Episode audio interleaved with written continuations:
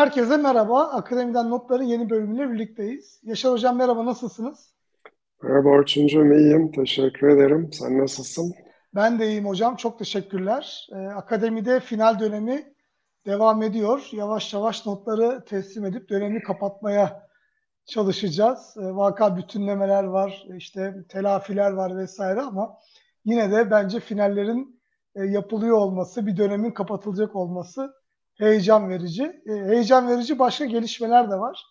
E, daha önce aslında farklı e, programlarda biraz değinmiştik ama bugün tamamen bu yeni aslında yapay zeka alanında bir çığır açtığı söylenen e, ChatGPT ve bununla beraber de GPT 3 ile ilgili çalışmaları genel olarak şöyle bir masaya yatıracağız. Biraz odaklanacağız. Aslında belki bir iki program olmasını da hedefliyoruz. Ee, bugün bir giriş olacak ama daha sonra birazcık daha etik ve hukuki boyutuyla ilgili de konuşalım istiyoruz ama bunu tek bir programda yapma şansımız pek mümkün olmayacak. Onun için belki de 2-3 serilik bir çalışmaya doğru e, gideceğiz. Ama bu sefer e, bellek kurumları açısından değerlendirmeyiz hocam. İşte kütüphaneler, arşivler, e, müzeler diye o seriyi e, bu sefer oluşturmayız ama yine bu çalışmalar üzerinde birazcık tabii bizim kendi alanımızdaki yansımalara da bakarız diye düşünüyorum. 89. bölümdeyiz. Chat GPT üzerine konuşuda oluyorum. Yani yaklaşık bir aydır e, büyük bir sansasyon yarattı. Bu büyük bir heyecan yarattı. E, sıradan kullanıcılar da buna ayrıca heyecanlandılar. Yani sadece alanın içinde bilgisayar bilişim dünyası içindekiler değil. Öğrenciler çok heyecanlandılar. E, yöneticiler, akademisyenler buna çok heyecanlanır. Herkesin heyecanlandığı nokta farklı tabii. Kimileri e, içerik geliştirmenin e, bu derece kolaylaşmasından dolayı heyecan duyuyorlar. Kimisi de insan tarafından üretilen içerikle makine tarafından üretilen içerik arasında acaba nasıl bir denge kuracağız, bunu nasıl e, kontrol altında tutacağız, bunun için heyecanlandıklarını söyleyebiliriz. Ama aslında e, tabii son bir ayın işi değil, birazcık daha e, 2020'ye dayanan bir yapı var. Tabii OpenAI adlı firmanın e, oluşumun daha önceki yıllardan beri çalışmaları var ama bunun ilk meyvelerini aslında biz 2020 yılında duymaya başladık. 2020 yılında GPT-3 olarak oradaki e, sürümü açısından belki de iyi nebzede, iyi bir derecede olgunlaştığı bir e, yapıyı biz gözlemlemeye başlamıştık. Ve bununla beraber de e, bir API açık hale getirdiler. Kullanıma sundular aslında ve birçok farklı e, uygulamada geliştirildi. Şu anda hem ticari olarak hem akademik e, dünyada bununla ilgili geliştirilmiş aslında Chat GPT haricinde birçok farklı uygulama var. Bunlara da e, yer vermeye çalışırız ama özellikle bu e, doğal dil işlemenin geldiği nokta açısından çok çok önemli. Daha önceki programlarda da hocam hatırlarsanız konuşmuştuk. Yani böyle kırılma noktaları oluyor. Aslında Google Translate de demiştik biz bunu yaşamıştık. Hani çok önceden beri verilen bir hizmetti ama o hizmetin bir anda bir e, belki de sınıf atladığını, seviye atladığını görmüştük. Yapay zeka ile ilgili de aslında birkaç kere bu e, belki de buzul çağına girmişti. Yani uyku çağına girmişti. Ama bu sefer herhalde bir daha hiç uyumamak kaydıyla uyandığını söyleyebiliriz. Çünkü gelişmeler gerçekten çok heyecan verici. Nasıl bir giriş yapalım hocam? Ee, öncelikle bu yapay zeka öğrenme modelleri, doğal dil işleme ile ilgili genel bir giriş yapalım isterseniz. E, sonra Olur. da e, GPT-3 ile ilgili aslında ben birazcık daha detayları sizlerle paylaşırım ve Chat GPT'ye doğru da ilerleriz diye düşünüyorum hocam. Siz isterseniz genel bir giriş yapın. Bu yeni e, belki de yükselmeye başlayan, iyice ön plana gelmeye başlayan teknolojiyle ilgili olarak. Hı hı. Teşekkür ederim. Ee, Tabii dediğin gibi e, literatürde de hep bu yapay zekanın ikinci doğuşu olarak adlandırılan e, dönemin son 10-15 yıldaki ürünlerini e, tercümeden e, tutun da e, bu tür e, neredeyse soru cevap sistemleri e, diye e, nitelendirilebilecek e, sohbet ya da söyleşi e, botlarına vesaireye kadar örneklerini görüyoruz. Aslında senin de bahsettiğin gibi e, e, GPT ya da ChatGPT e, türü e, uygulamalar e, makine öğrenimi e, uygulamaları. E, belki öncekilerden e, en büyük farkı daha büyük ölçekli e, e, derlemler üzerinde, koleksiyonlar üzerinde eğitilmiş olmaları. Zaten e, yani büyük ölçekli dil modeli uygulamaları olarak anılıyor o ChatGPT türü e, uygulamalar ve e, bu literatür üzerinde e, milyarlarca modeli e, deneyerek ondan bir tırnak içerisinde anlam çıkarma amacı gütüyor. GPT dendiği zaman da aslına bakılırsa açık şekilde düşünecek olursa um, Generative Pre-Trained Transformer. Yani burada e, bu o, arka plandaki derlemden öğrendikleriyle aslında e, sorularınıza bir e, cevap yaratıyor ve bu cevabı yaratmak üzere de önceden eğitilmiş, e, pre-trained dediği nasıl eğitilmiş? Bir güdümlü, e, pardon, denetimli e, eğitim modelleri kullanılarak yani bir miktar derlemdeki malzeme etiketlenip ya bak bunların etiketleri şunlardır işte kuştur, böcektir, şudur budur. Hadi bakalım sen de koleksiyondakileri diğerlerini anla vesaire türünde. Bir de gene e, insan e, yardımıyla e, pekiştirici öğrenme e, diye adlandırılan ya bak bunu böyle yapmışsın ama aslında doğrusu budur diye geri bildirim vererek e, e, bu o algoritmaların daha da e, rafine hale getirilmesi e, süreci e, yaşanmış durumda. E, ve e, T kısmı, transformer kısmı da aslında e, bu işlemleri yapabilmek üzere kullanılan e, A modellerini e, betimleyen bir terim.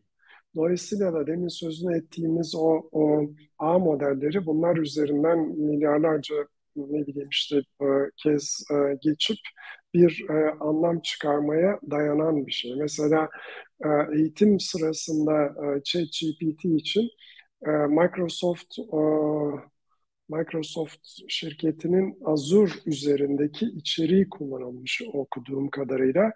Microsoft'la yakınlık tesadüf değil. New York Times'ta bir haber vardı yakın zamanda.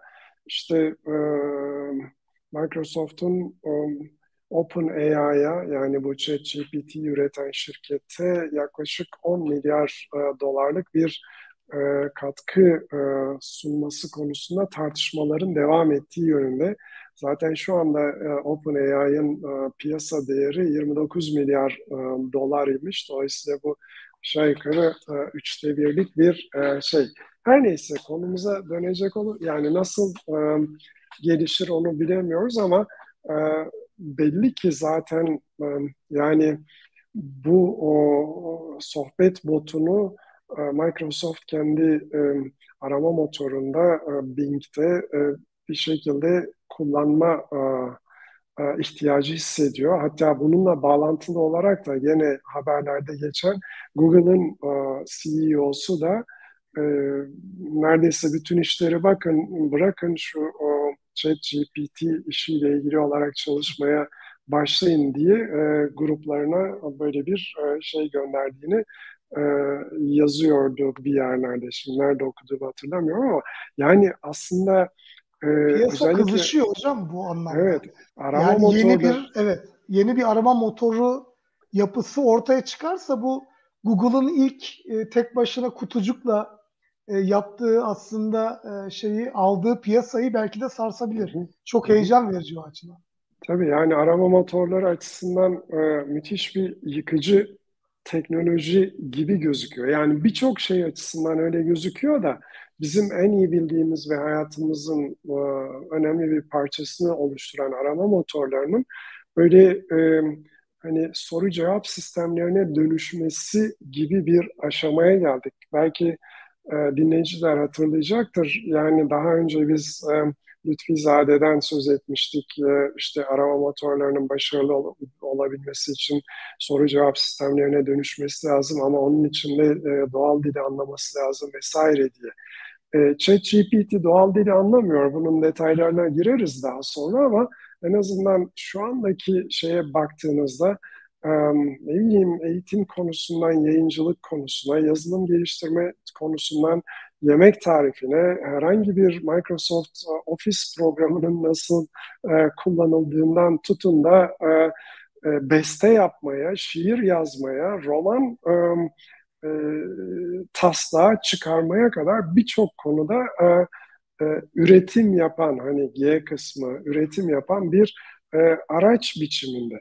Peki bunu daha önceki uygulamalardan ayıran ne dersek, yine bu programlarda e, ge, e, bahsi geçmişti.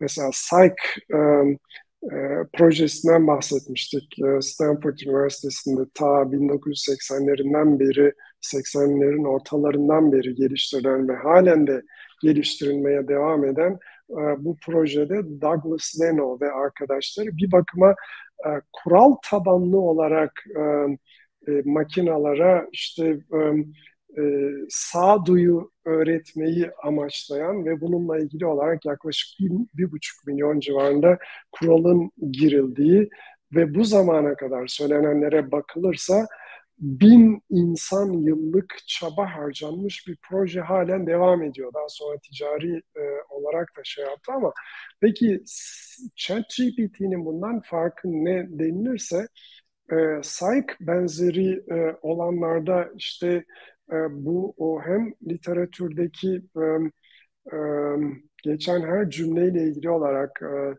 anlamsal e, web uygulamalarında da bahsettiğimiz bu e, üçlü e, e, şeyler yaratma, cümleler yaratma olayını bir şekilde e, ikinci düzey hatta daha yüksek düzeyde mantık çerçevesinde bir anlam çıkarmaya dayalıydı.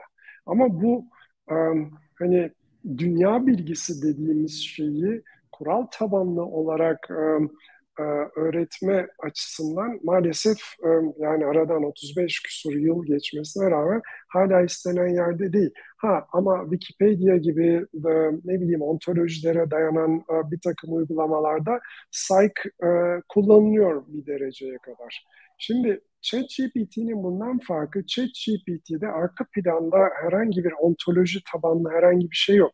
Kullanılabileceği yönünde e, bir takım şeyler var ama belki örnekleri vardır ben bilmiyorum. Ee, dolayısıyla ChatGPT'nin yaptığı burada biraz önce sözünü ettiğim gibi yani bu kural tabanlı olayı bizzat demin sözünü ettiğimiz denetimli öğrenme ve pekiştirici öğrenme tekniklerini kullanarak kendi kendisinin öğrenmesinin sağlanması bir yerden sonra. E, oysa e, psych benzeri olanlarda bir şekilde daha önceden girilmiş olan kurallara göre bir e, yani ikinci düzey e, mantık vesaire çerçevesinde ilişki e, kurmaya çalışıyor. Çok um, hani ayrıntısına girmek istemiyorum ama yani işte birinci düzey mantık, ikinci düzey mantık, modal mantık vesaire falan diye her neyse yani bir şekilde şu anda SAIK e, daha yüksek düzeyde mantık çerçevesinde bu işleri yapmaya çalışıyor. Bu çerçevede bakıldığında ChatGPT özellikle de bu kadar ilgi gösterildiği zaman kendisini çok daha kolayca yenileme şansına sahip. Yani biraz önce programdan önce konuşurken örnek vermiştim. Daha önce Sarkaç'ta Aykut Erdem'le Erkut Erdem'in bilgisayarlar dili öğrenebilir mi diye GPT-3 ile ChatGPT'yi karşılaştıran bir makaleleri vardı ve orada bu o, her iki algoritmaya da sorulan işte ayağın kaç gözü vardır gibi bir sorusuna o zaman e, memnuniyetle ayağın iki gözü vardır diye cevap vermişti e, ChatGPT. Ben bugün programa hazırlanırken aynı soruyu tekrar sordum ve bu sefer çok e, doğru bir şekilde ChatGPT yani ayağın gözü olmaz e, gibisinden beni terslemedi ama çok nazik aslında. Doğru cevap verdi. Ben de dedim ki ne ayak yani niye değiştirdin fikrini? Sen daha önce verdiğin cevapları tırnak içinde anlayabiliyor, e, hatırlayabiliyor musun? Yok ben hatırlayamıyorum ama e, unutmayın ki ben işte e, literatüre dayalı olarak eğitilmiş bir e, e, algoritmayım. Dolayısıyla yanlış da yapabilirim. E, onun için e, kontrol etmek lazım gibisinden bir e, cevap verdi. Yani aradan ne kadar zaman geçmiştir bilmiyorum. Benim bu örneği makalede görüp e, işte şimdi bugün kullanmamla aradan belki iki hafta her neyse. Ama söylemek istediğim bu o e, kullanıcı girdisini kendisinin karhanesini hızla yazabilecek özelliklere de sahip bu o öğrenme e, algoritmaları e, önceki e, şeylerle karşılaştırıldığında o bakımdan son derece ilginç. Ha dersen ki hala e, yani bundan öğrenmiş ama e, chat GPT doğal dili anlıyor mu? Hayır anlamıyor. Başka örnekler konusunda dünya kadar yayın yapıldı e, aradan geçen bir buçuk aylık bir süre içerisinde. Dolayısıyla yani bu o e, arka plandaki literatüre dayalı bir şeyler üretiyor. Ama bu üretimin doğru olup olmadığı konusunda e, bir e, onun da fikri yok. Aslında bizim de onu doğru kabul etmememiz lazım. Zaten ChatGPT'nin kendi dokümantasyonunda da uyarılar var. Yani e, hani ne bileyim aksi yönde doğrulamadıkça buradan gelen her bilginin aslında yanlış olabileceği varsayımıyla hareket edin biçiminde. Fakat biraz önce girişte de senin söylediğin gibi o kadar büyük bir heyecan yarattı ki öğrencilerden tutun işte araştırmacılara, yayın yapanlara kadar herkes ya şunu bir deneyelim dolayısıyla sonuçları yaratalım diye Hocam, pardon kullanalım diye evet. yazılar çıkıyor. Ya zaten e, internetten erişilen bilginin e, doğrulanması veya doğruluğunu sorgulama soru, konusunda da bir takım sıkıntılar var. Yani işte birçok farklı içeriği alıp direkt o içeriği kullanma yolunda bir eğilim de var. Tabii ChatGPT'deki durum da aslında benzeri şekilde oldu. Yoksa e, bunun bir aslında e, şu anda en azından ücretsiz bir ön kullanım olduğu, işte buradaki bilgilere dikkat edilmesi gerektiği vesaireyle ilgili bir takım uyarılar e, yapılıyor zaten sisteme ilk giriş yapıldığı zaman. Ama hani bunlar ne kadar e, kulak asılır, bunlarla ilgili ne kadar durulur? Çünkü e, Google'daki bir arama sonucunda ulaştığınız bilgiyi de çok fazla test etmeden kullanıyorsunuz ve e, çok kolay bir şekilde bunlar manipüle edilebiliyor bir kaynaktan yayıldığı zaman. E, zaten aslında işin etik tarafıyla ilgili soru işaretleri de genelde bununla ilgili oluyor. Çünkü ChatGPT'nin eğitildiği içerikler de bir şekilde onu yanıltabilir şeklinde bir ifade veriliyor. Ama dediğim gibi bunlarla ilgili detayları daha sonraki e, zamanlarda tekrardan e, aslında gündeme getireceğiz. E, ben şöyle hocam birkaç ekran görüntüsü de paylaşayım aslında. OpenAI'nin aslında kendi sayfası üzerinden birçok farklı içeriğe erişmek mümkün. Burada aslında öne çıkan bir takım farklı platformlar da var. ChatGPT gibi, DALI gibi veya bunlarla ilgili farklı yapılarda olduğu gibi e, birçok kişi kullanmıştır ama yine de e, arayüzünü e, gösterelim. Aslında burada bazı örnekler var, bazı uyarılar var. E, bununla beraber işte bir takım farklı aslında e, yapılabilecek çalışmalarla ilgili de e, detaylar verilmiş durumda. E, bu tek kutu ve bu kutunun e, aslında sağladığı etkileşim e, Google'dan sonra çok popüler hale geldi. Hani çok basit bir arayüz. Ama bu arayüzle beraber de gerçekten sizi çok heyecanlandıracak bir yapı haline dönüşüyor. E, burada aslında e, bir e, makale var. 2020'nin Temmuz ayında yayınlanmış olan. Bu makalede çok detaylı bir şekilde bu dil modeliyle ilgili bir takım bilgiler aktarılıyor. Ben bunları bizim yayının açıklama kısmına da ekleyebilirim. Burada bütün detayları aslında e, özellikle e, GPT-3 ile ilgili veya 3.5 ile ilgili çalışmaları buradan gözlemlemekte mümkün. E, bununla ilgili aslında bir de video hazırlamışlar. E, bu videoda da bu makalenin aslında e, yaklaşık bir saat içerisinde genel bir e, özeti değerlendirme söz konusu. Dediğim gibi ben bunları paylaşırım ve e, izleyicilerimiz bunların detaylarına e, bakabilirler ama e, belki de önemli olan noktalardan bir tanesi de e, buradaki gelişim. Yani 2017 yılından itibaren e, gerçekten 5 yıl içerisinde çok ciddi bir e, gelişme var ve bu gelişme içerisinde aslında sadece eğitimde kullanılan çalışmalar değil, yani eğitimde kullanılan veri setleri değil. Aynı zamanda bu veriler arasındaki ilişki yumağının e, bir anlamda derinliği de çok artıyor. Öyle değil mi hocam? Yani burada e, işte Wikipedia'nın buna dahil edilmesi, Google'ın dijitalleştirme projesi kapsamında bu kitapların dahil edilmesi veya internetin e, örümceklerle taranması değil sadece olay. Yani veri seti genişliyor ama onun haricinde işlemci gücünün artmasından kaynaklı ciddi bir ilişki yumağının çok daha derin bir şekilde incelenmesi de söz konusu. Belki de genel hatlarıyla bizi heyecanlandıran kısmının da bu olması lazım. Yani eğitim setleri bugün biz alışığız büyük veriyle ilgili çalışmalarda ama o işlemci gücünün artması çok farklı bir noktaya getirdi bizi. Ee, sizinle biz çok uzun yıllardır sizin verdiğiniz derslerde bunları gözlemledik aslında ama heyecan verici bir örnek gözlemleyememiştik.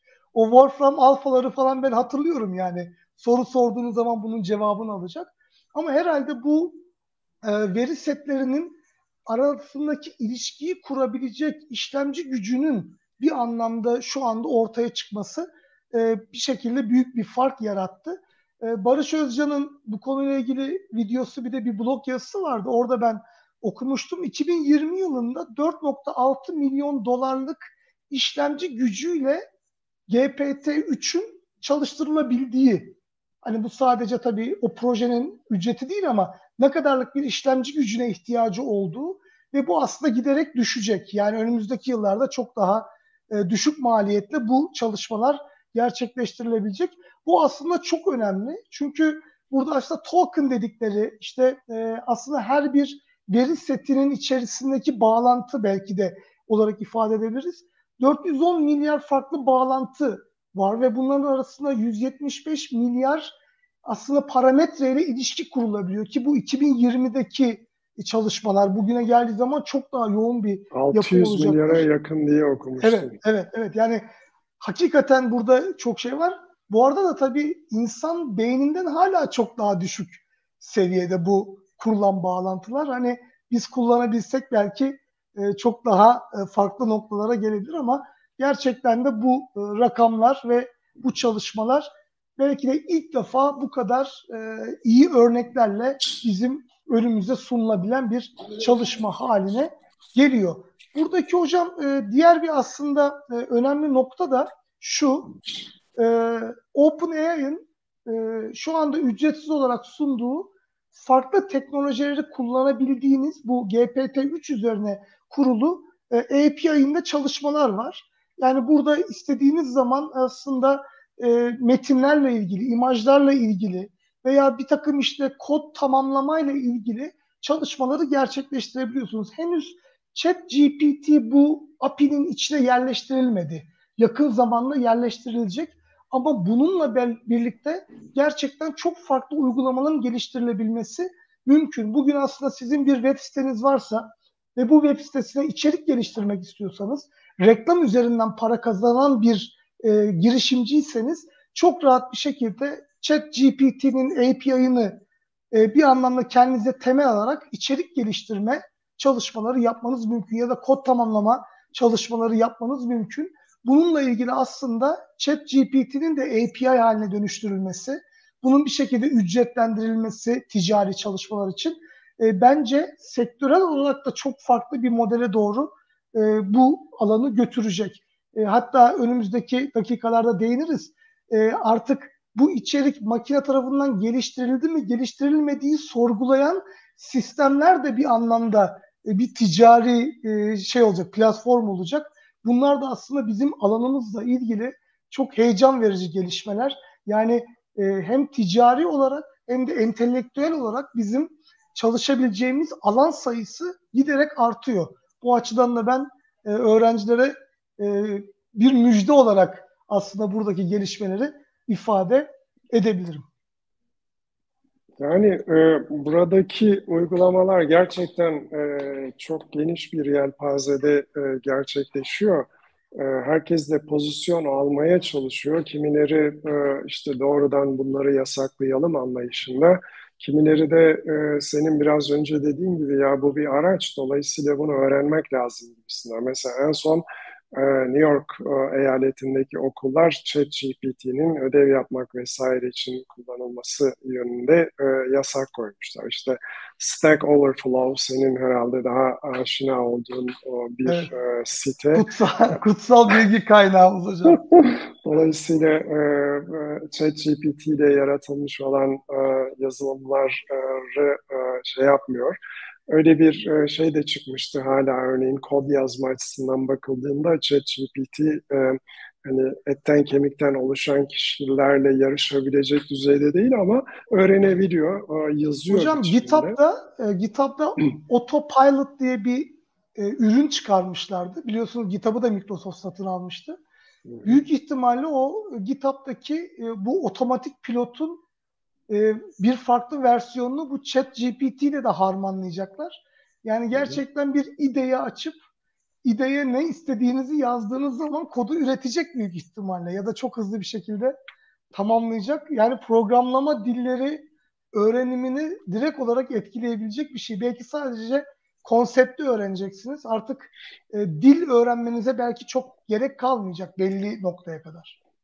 Ya işte yani bütün bunlar kuşkusuz son derece heyecan verici ama büyük resme baktığınız zaman hani o ilk andaki heyecan biraz daha şeye dönüşmeye başladı. Yani belki yasaklama vesaire çok şey alınmış kararlar olabilir ama yani baktığınız zaman işte Paul Krugman e, ekonomi Nobel'i alan e, bir ekonomist e, bunun özellikle de bilgi profesyonelleri yönünden müthiş bir e, hani işsizliğe yol açacağı konusunda bir öngörü, öngörüde bulunuyor. Yani veri bilimciler, ne bileyim kütüphaneciler, arşivciler, e, referans masasında kullanıcıların sorularına cevap veren profesyoneller, program yazıcılar, tabii ki e, knowledge professions çok daha geniş yelpazede değerlendirilebilir. Yani ne bileyim borsadan tutun da e, kütüphanelere, arşivlere vesaireye kadar. E, bu yani en azından kendi denemelerimizi gördüğümüzde gerçekten de e, öyle gözüküyor. Yani program yaz diyorsunuz, yazıyor. Ya bir mektup yaz diyorsunuz, yazıyor. Bir e, şiir yaz diyor. Ha yani ne kadar e, başarılı ya da değil o ayrı bir olay. Mesela baktığınız zaman şu anda özellikle eğitimdeki kullanımında e, eğer e, çok e, hani dikkatli davranılmazsa geçecek not alacak türde kompozisyonlar yazabildiği yönünde bir takım şeyler var ve nitekim şu anda üniversiteler e, acaba buna karşı biz politikalarımızı nasıl e, değiştiririz? İşte bu tür e, al eve götür e, türü ya da açık kitap türü sınavlar yerine e, grup ödevleri, el yazısıyla yazılmış ödevlere mi dönüş yapalım biçiminde bir takım e, tartışmalar içerisindeler. Bu da bir dereceye kadar anlaşılabilir. Ama bir yandan da bir yardım yönü kuşkusuz yok mu? Var. Yani ne bileyim işte nasıl ki leb demeden leblebini anlayan bir takım işte um, um, kelime işlemcilere özellikler girildiyse ya da sizin yazdığınız bir mesajda ya işte e, ne bileyim burada ekten bahsediyorsun ama eki eklemedin türü yardımcı araçlar varsa bu onların daha gelişmişi. Dolayısıyla ya şuna bir cevap yazı ver falan diyor. Ama burada özellikle ortaokul, lise öğretimi kom, e, dersler, oradaki derslerdeki kompozisyon yazma hikayesi sanıyorum ki ChatGPT'de en fazla kullanılan özelliklerden biri olmuş ki dolayısıyla ya artık e, zaten doğru dürüst hani e, kendi dilinde anlaşılır şeyler yazamayan bir e, e, topluma doğru gidiyoruz. Bu daha da e, bu yöne evrilecek biçimde bir takım kaygılar var. Çünkü e, bu kaygılara kimisi New York eyaletinde olduğu gibi yasaklama yönünde cevap veriyor. Kimisi ise yani bu bir araçtır. Dolayısıyla yani oradan gelecek her bir cevabı e, bir şekilde temkinli karşılamak ama aynı zamanda da onunla sohbet içerisinde istediğinizi e, yaptıracak bir şekilde ön bilginizin olması lazım. Doğru soruları sorabilmek için ve verilen cevapların doğru olup olmadığını anlayabilmek için e, e, biçiminde. Fakat çok az kişi herhalde e, şu anda bunun farkında. Çünkü gerçekten de makul metin ürettiği zaman bunu işte ne bileyim yayında da ekleyenler oluyor. Öğrenci ödevi olarak da ekleyenler oluyor. Hocam ee, çeviride de aynı şey var aslında. Şimdi evet, Google Translate'de evet. bir şey çevirdiğiniz zaman İngilizceniz iyi değilse o çevirinin de kalitesini anlama şansınız olmuyor zaten. Hı hı, Ve hı. o yayınlandığı zaman da bazen e, çok kötü sırıtıyor tırnak içinde ve belli oluyor. ChatGPT'nin de şu andaki üretimi aslında bu. Yani baktığınız zaman e, bazen bunu çok hızlı bir şekilde e, makine tarafından üretildiğini keşfedebiliyorsunuz. Ama bazı durumlarda da içeriye çok hakim değilseniz de e, anlama şansınız olmuyor aslında. Yani özellikle aklınızda böyle bir şey yoksa mesela demin işte e, yıkıcı bir teknoloji olarak herkesin e, ne yapacağı konusunda Google'dan örnek verdik vesaire. Mesela Turnitin de e, topa çıkıp onlar da e, yani yapay zeka aracılığıyla yaratılıp yaratılmadığını e, test edecek bir takım şeyler yapma sözü veriyorlar ama yani Turnitin ya da benzeri programlar zaten henüz kendi e, işlerini ne kadar yapıyor o da tartışılır. Dolayısıyla e, neyse nasıl gelişeceğini göreceğiz ama bu yönde e, e, hemen e, yapay zeka e, ya da chat GPT ile üretilmiş e, malzemeyi ayırt edecek yazılımlar da geliştirilmeye başlandı. E, yılbaşı tatiline giden Toronto Üniversitesi'nde bilgisayar mühendisliği okuyan Edward Tian diye bir vatandaş birkaç gün içerisinde bir prototip çıkarıp GitHub'a koyuyor. Get, e, GPT-0 adıyla sabah kalkıyor ki yani e, koyduğu yer kilitlenmiş e, e, sistem yöneticisi ona ekstradan alan sağlamış ve yaklaşık 600 civarında üniversite e, de aynı zamanda kayıt olmuş. Ya yani nasıl yakalatabiliriz bu yapay zeka um, ile üretilmiş metinleri gibisinden. Ben de denedim um, e, GPT-Zero'yu. 8-10 metin koyup kimisi işte e, şey tarafından üretilmiş e, e, ChatGPT tarafından kimisi de normal makalelerden alınmış. Yüzde yüz e, yakalamıyor ama yani ben 8-9 tane denedim. Sadece herhalde iki tanesinde yanlış cevap verdi. Bu da tabii ki evriliyor giderek daha iyiye gidecek. Sonuçta daha 15 günlük bir e, programdan söz ediyoruz. Hani bununla karşılaştırıldığında belki Turnitin ve benzerlerinin o kadar hazırlıklı olduğunu düşünmüyorum o açıdan e, bakıldığında ama belli olmaz yani nereye evrileceğini e, hep birlikte göreceğiz o açıdan. Farklı bir e, yapıda da e, sesle ilgili bunun örneğini de gösteririz aslında ekran görüntüsünü. Orada veya görüntülerde de e, aslında bir belki üst veri bunlara yerleştirilmesi e, yine makinelerin anlayabileceği ve o içerik geliştirilirken o içeriğin makine tarafından geliştirildiğinin baştan ifade edilmesi, baştan bunun işaretlenmesi aslında konuşuluyor. Hani bunun bir şekilde bir etik e, durum olarak da değerlendiriyorlar. Belki önümüzdeki e, zamanlarda o metinin içerisinde bir e, kurgu gelecek veya görüntünün veya sesin ve otomatikman e, hani böyle bir arama yapısı içerisinde o çok daha hızlı bir şekilde keşfedilebilecek bunun bir makine tarafından üretildiği. Bu tür bir e, regülasyon gelebilir belki ama ben orada da yine çok e, kolay bulmuyorum bunu. Aslında şirket OpenAI şirketi kendisi bunu o, yani bu tür metinlere bir filigran vesaire yerleştirme konusunda çalışmalar yapıldığını e, sanıyorum ki e, zaten e, e, kamuoyuna yansıttı. Henüz belki gerçekleşmedi ama yani e, GPT-0 türü e, yazılımlar daha çok e, işte e, e, kullanılan dilin karmaşıklığına dayanarak karar veriyor. E, ver, şimdilik 5000 kelime civarında bir metni e, test edip e, genellikle ortalama bir dil kullanıldığı için eğer bu puan düşükse ha bu e, çok muhtemelen e, ChatGPT türü yapay zeka e, programları tarafından yazılmıştır diyor. Karmaşıklık katsayısı daha yüksekse o zaman da diyor ki yani bu o işte e, şey tarafından yazılmıştır, insan tarafından yazılmıştır diyor. Ama bu bir ikili karar sonuçta ve biraz önce dediğim gibi yanlış cevaplar da verebiliyor. Özellikle de mermi türü bilgi üretildiğinde işte yemek listesi gibi vesaire en azından gördüğüm kadarıyla GPT-0 onları daha kolay insan tarafından yazılmış gibi e, görebiliyor. Fakat benim denemem çok kısıtlı sayıdaki örneğe dayandığı için genelleme yapmak doğru olmaz burada. Ama e, bunların da daha iyiye doğru evrileceğini bu tür programların ben e, önümüzdeki haftalarda e, düşünüyorum. O, o, o açıdan bakıldığında hepimiz burada aslında e, şeyiz deneyiz hocam. Bizi de deneyiz. Olarak... Evet, evet. Ee, birkaç sene önce e, çıkan bir e, kitap vardı bu o, genlerle ilgili olarak. Orada bir cümle vardı. Tabii biyolojik açıdan konuya değiniyor ama we are the data diye.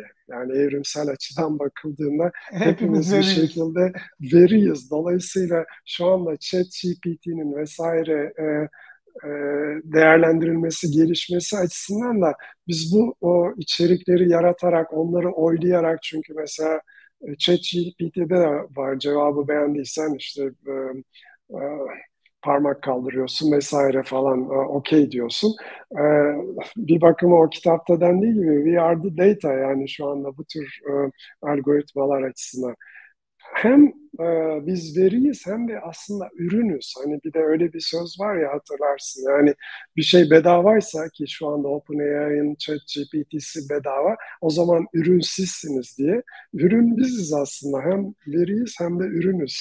Hocam zaten e, bu GPT-3 ile beraber e, çalışmalarda bu API'nin açılmasından sonra bence o gelişme, o ivme çok artmıştır. Çünkü tüm dünyadan bu altyapıyı kullanıp ürün geliştirmek isteyen birçok farklı firma, araştırmacı hem akademisyen hem akademi dışında bu ürünü kullanıyorlar ve oluşturdukları her şeyin verisi OpenAI'ya gidiyor. Yani evet. düşünsenize şu anda buradaki e, yapıyı kullananların, API'yi kullananların geliştirdiği ürünlerden elde ettikleri e, geri bildirim inanılmaz değerli olsa gerek. Onun için hani bu çalışma insanlara açıldığı andan itibaren e, bir çığ gibi katlanarak büyüyor. Herhalde oradaki ekip şu anda e, yemiyordur, içmiyordur bu veri artışına veya işte o algoritmanın kendini geliştirmesine bakıyordur yani büyük bir heyecanla. Zaten e, Elon Musk da buna e, laf çakmıştı ya aslında OpenAI'nin kurucusu e, Elon Musk belki e, biliyordur o izleyicilerimiz ama 2018'de ayrılmış şirketten. Fakat bu o konuda konuşurken ya açığız diyorlar ama açık değiller vesaireyi bir tweet atmıştı. E, yani açık değiller derken e, sonuçta açık bizim ürettiğimiz şeylerden yararlanıyorlar kuşkusuz ama ne kadar yani tamam OpenAI arayüzü açık fakat ne kadar açık e, o, o belki de Elon Musk orada biraz haklı yani ürün bizsek özellikle. Hocam ayrıca da ticari bir yapısı var sonuçta yani bunlar e, fiyatlandırılacak bu çalışmalar olacak. E, bu arada e, hani sadece bence heyecan verici kısmı e, chat GPT değil e, aynı zamanda da bu e, yapıda farklı e, çalışmalar da var. Bu Wall-E diye hocam hatırlarsanız bir film vardı. Çok büyük bir etki sağlamıştı. Hani bir e, animasyon karakteri nasıl böyle duygusal baktığı veya insana duygusal hissettirdiği ile ilgili e, bununla ek olarak aslında e, yeni bir takım farklı teknolojileri de e, bu GPT-3'ün üzerinde inşa ettikleri bir yapı vardı. E, yaklaşık e, bir sene önce bu DALI-'yi e, hayata geçirdiler. Bunun şu anda yaklaşık bir ay önce de ikinci versiyonu çıktı. Burada da e, tasarımla ilgili, aslında iç e, dekorasyonla ilgili, işte bir takım e, içeriklerin geliştirilmesi ilgili e, çok ciddi bir e, platform hayata geçmiş durumda. Siz yine doğal dil işleme için bir takım e, metinler giriyorsunuz. Bu girdiğiniz metinlerde size e, bir şekilde bunlarla ilgili içerikleri geliştiriyor. Yani resimleri, grafikleri geliştiriyor. E, buradaki şu anda gördüğümüz içeriklerin hepsi e, metinle girilmiş olan e, çalışmaların yapay zeka tarafından hayata geçirilmesi.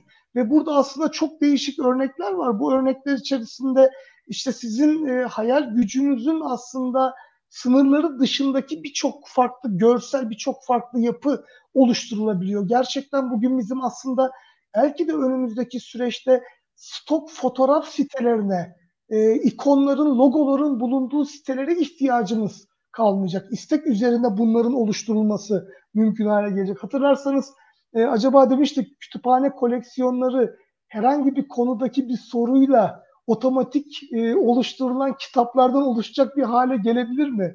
Soruya göre özelleşmiş. E, bunun işte imaj tarafı var ve belki de bu önümüzdeki dönemde video haline dönüşecek. Çoklu kareler haline dönüşecek. Ve buradaki yaptığınız çalışmalarda örnekleri e, izleyenlerimiz eğer incelerlerse yine bunların linklerini de paylaşırız. Buradaki yapıda siz resime yeni bir öğe eklemek istediğiniz zaman örneğin diyorsunuz ki bu öğeyi ben e, bir sehpanın üzerine ekleyeyim. Ona göre bir görsel oluşturuyor. Bunu ben pencerenin arkasına ekleyeyim. Ona göre bir görsel oluşturuyor.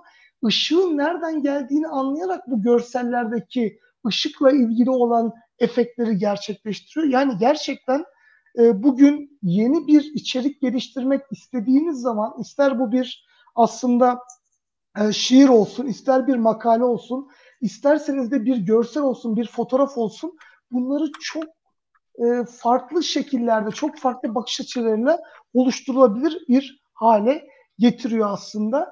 E, Dali'de de bunları oluşturmanız için ilk başta yanlış hatırlamıyorsam e, size 50'ye yakın bir fotoğraf imkanı sağlıyor. Bundan sonra da ayda 15 tane fotoğrafı oluşturmanıza e, izin veriyor. E, mesela buradan surprise me dediğiniz zaman e, bir metin buraya giriyor.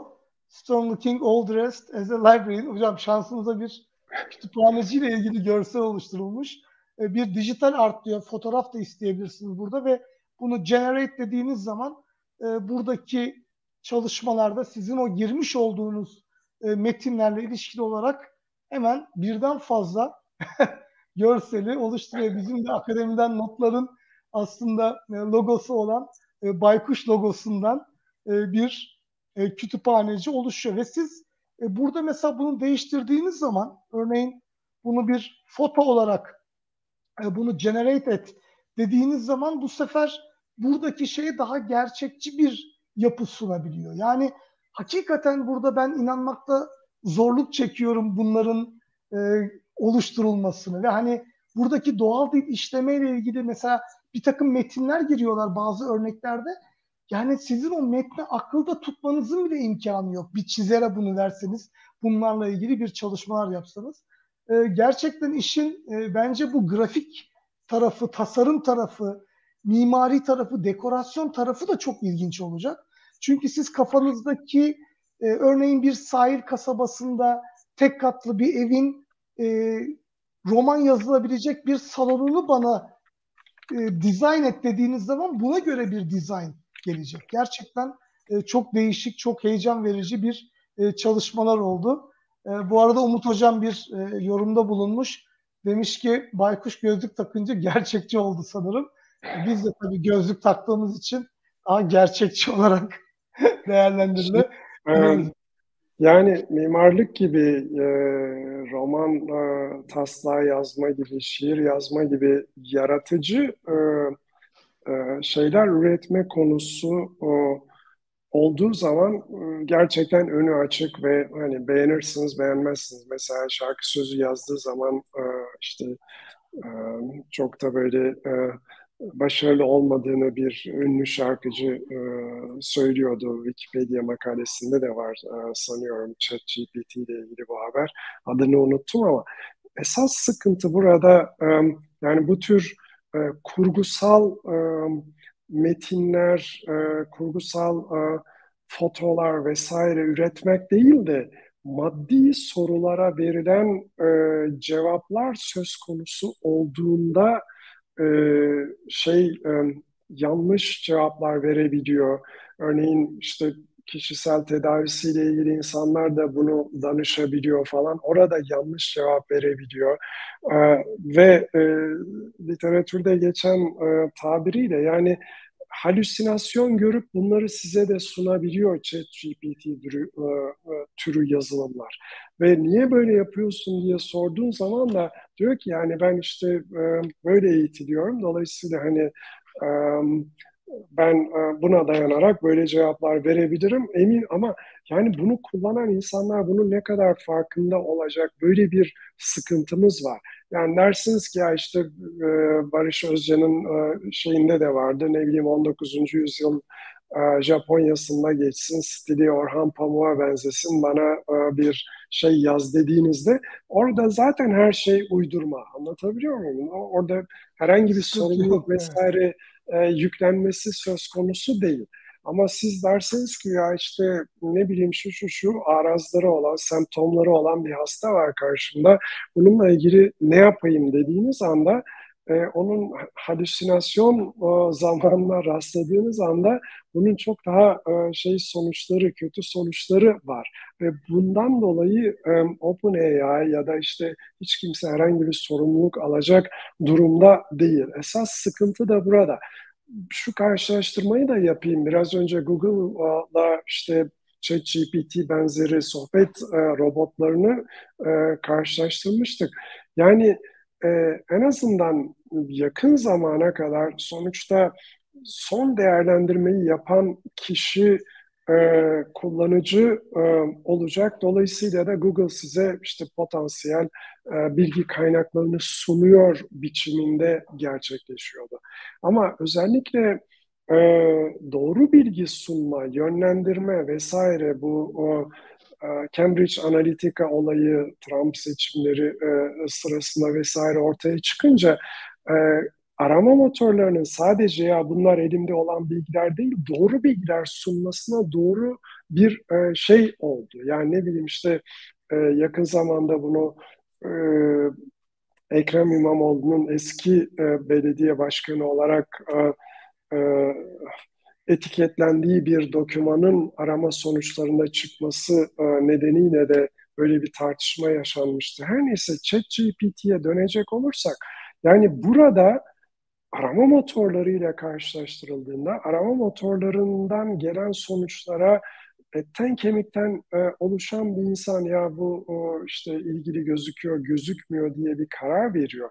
Ama e, sohbet türü olanlarda bu o, karşılıklı konuşma türü robotlar söz konusu olduğunda karşıdan gelen cevabın doğru olup olmadığını e, sohbet robotu da bilmiyor. Saçmalayıp saçmalamadığını sohbet robotu da bilmiyor. Bu yandaki etten kemikten oluşan insan da bilmeyebilir ya da öyle değerlendirmeyebilir. İkisi arasındaki en önemli fark bu. Zaten onun için OpenAI e, yani bu tür e, uyarı e, şeylerini uzun uzun koyuyor. Gerek üretilen e, şeyin doğru olmayabileceği, halüsinasyon olabileceği konusunda gerekse sorumluluklar konusunda. O açıdan bakıldığında da yani yaratıcı olan o şeyler konusunda bağlayıcı çok az şey var belki. Yani ne bileyim sen biraz önce stok fotolardan vesaire bahsetmiştin. Hiçbir sorun yok ya da mimarlıkta kaldı ki mimarlıkta birazcık e, şey aslına bakılırsa yani yaratıcı ürünler açısından bakıldığında yarın öbür gün e, biliyorsun aslında şu anda ücretsiz herkese açık diye lanse edildi ChatGPT. Bunun ila nihaye ücretsiz olup olmayacağını yakın e, zamanda göreceğiz. Ama yarın öbür gün her üretilen şeye bir filigran koyduysa o zaman tabii ki yani biraz önce gösterdiğim e, baykuş fotoğrafları da başka fotoğraflarda pekala e, telif hakkı e, e, çerçevesine girebilir. Ben çok uzun boylu olarak buna girmek istemem ama aslına bakılırsa yani bu tür programlar tarafından üretilen e, şeyler için telif hakkı e, iddia etmek e, söz konusu değil şu andaki e, şeylerde e, telif hakkı ile ilgili, entelektüel mülkiyet hakkı ile ilgili e, um, içeriklerde. E, bu şu anda ChatGPT türü üretilmiş metinler için de söz konusu. Ama yani işin başka tarafına e, şey konulabilir. Yani e, telif hakkı konulabilir. Ne bileyim ben işte ben bunların üretilmesi için e, şu kadar e, e, işlemci gücü harcadım vesaire gibisinden e, bir takım şeyler girebilir. Dolayısıyla e, burada bu içeriklerle ilgili olarak da her şeyi e, tam olarak bildiğimiz ya da nasıl gelişeceğini e, görebildiğimiz şu aşamada söylenemez o açıdan bakıldığında. Ama e, bir şekilde yani e, öğrendiği şeye bağlı olarak bir takım ön yargılar da söz konusu. Mesela şu anda verilen cevaplarda çevreci olduğu, işte sol libertaryen olduğu yönünde bir takım yazılar var chat GPT'nin. Ben bunu kendisine sorduğumda yine aynı şeyi söyledi. İşte ben ne bileyim büyük metinler üzerinde eğitildim. Dolayısıyla orada ön, o ön yargı varsa bende de olabilir gibisinden. Kaldı ki burada her ne kadar demin yani denetimli öğrenme ve pekiştirici öğrenme teknikleriyle eğitildiğini söylediysek de e, ki bu da bir eleştiri konusu. E, aslına bakılırsa e, etiketlenen içerikler de işte Kenya'da sanıyorum bir yerde saati 2 dolara e, e, bir sürü iş gücü kullanarak oluşturulmuş şeyler. Dolayısıyla orada da insan hatası söz konusu. Tıpkı daha önce Google'ın Goril e, etiketiyle ilgili yaşadığı sorunlarda olduğu gibi. Bu yönde daha ayrıntılı şeyler de var. Yani ne bileyim işte kimisi de bunu olasılıksal papağan diye nitelendiriyor chat GPT'yi. Stochastic parrot diye. Yani burada da işte geçmişteki e, literatüre dayanarak e, makul bir e, metin üretmeye çalışan bir e, yazılım, sohbet robotu var karşımızda o açıdan. Ama biraz önce hani e, bilgi profesyonelleri ile ilgili mesleklerde e, e, ne bileyim işsizliğin artmasına vesaire yol açacağını söylemişti, e, söylediğini söyledik Paul Krugman'ın. Bir de bu tür doğruluğu şüpheli içerikler nedeniyle demokrasinin üzerinde negatif etkisi olacağı yönünde de görüşler var. Çünkü sen de biraz önce söylediğin gibi bir sürü içerik üretilebiliyor.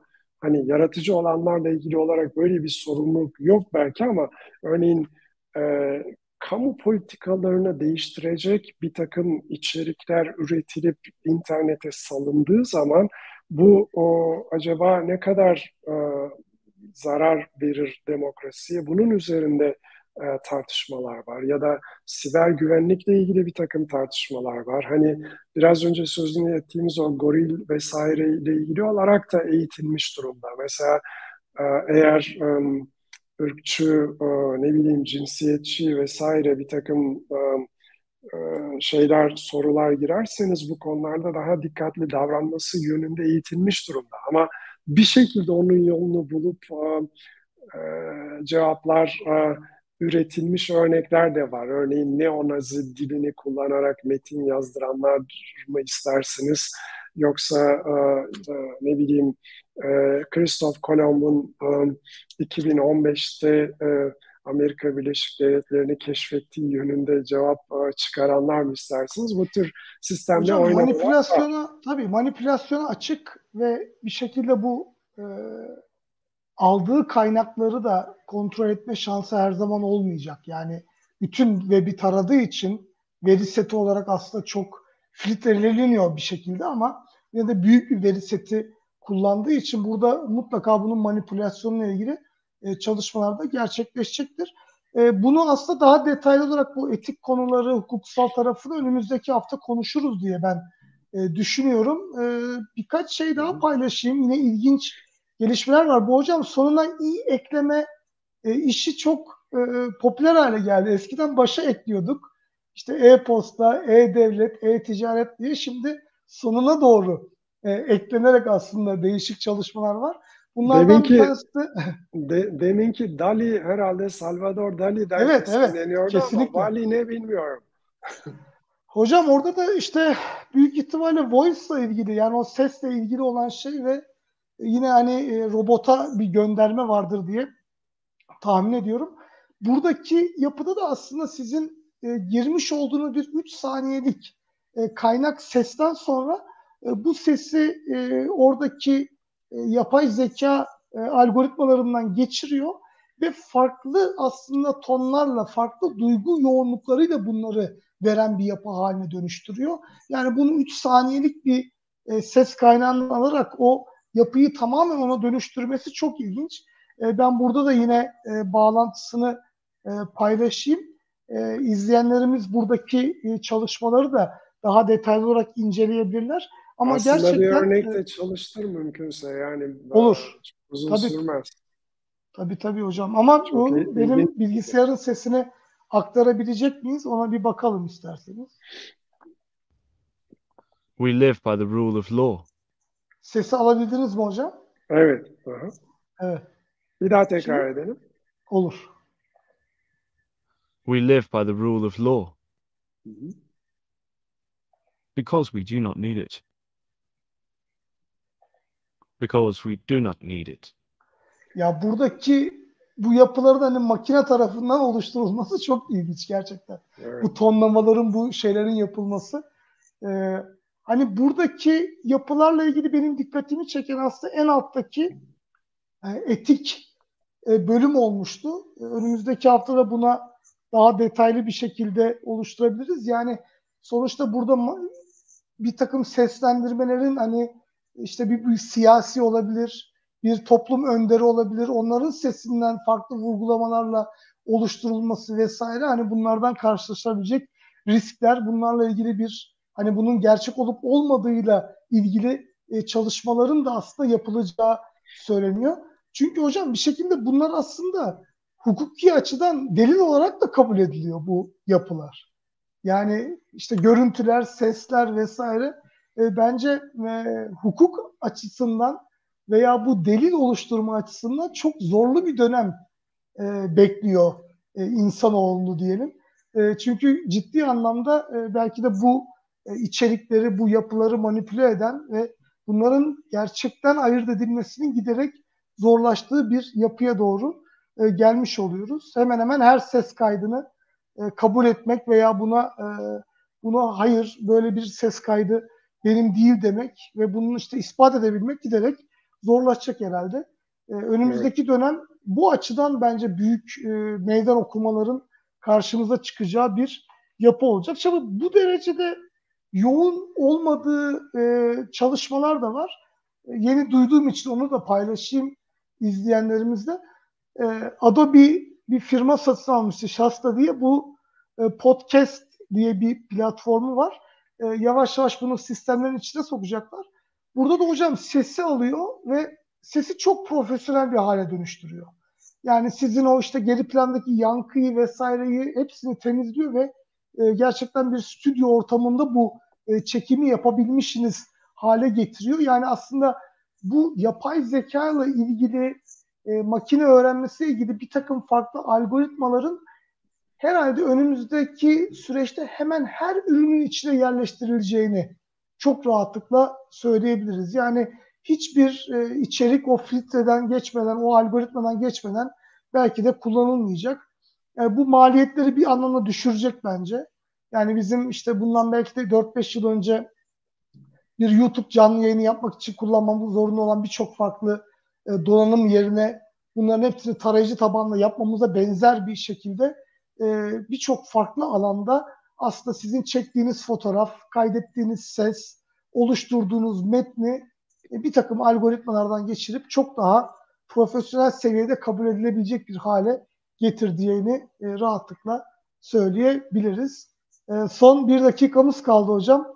E, nasıl kapatalım? Önümüzdeki hafta yine e, Chat GPT ile ve GPT-3'ün aslında hukuki boyutuyla birazcık daha etik boyutuyla konuşacağız.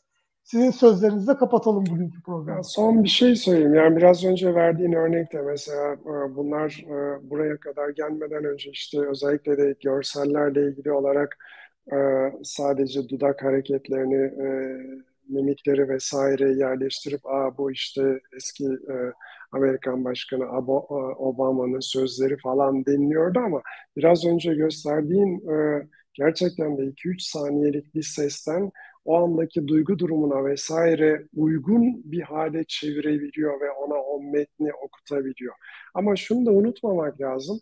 Bu tür sistemler aslında bakılırsa e, yani e, birbirlerinin yanlışlarını bulma konusunda da giderek eğitiyorlar. Yani bir metin yaz, e, işte ne bileyim olabildiğince bu o, yapay zeka tarafından yazılmamış nasıl e, yaratabiliyorsan yarat. Öte yanda da acaba bu yapay zeka tarafından yaratılmış mı diye. Yani bu süreçten her ikisi de öğrenip daha karmaşık bir şekilde acaba bu ne bileyim yapay zeka tarafından mı yaratılmış yoksa yaratılmamış mı biçiminde e, iki tarafta öğreniyor. Bunları da göreceğiz ama bu e, senin dediğin gibi yani daha karmaşık bir takım sorunlarla karşılaşmayacağımız anlamına gelmiyor. Yani hukuki boyutlar açısından olsun, yayıncılık açısından olsun, ne bileyim yaratıcılık açısından olsun her açıdan.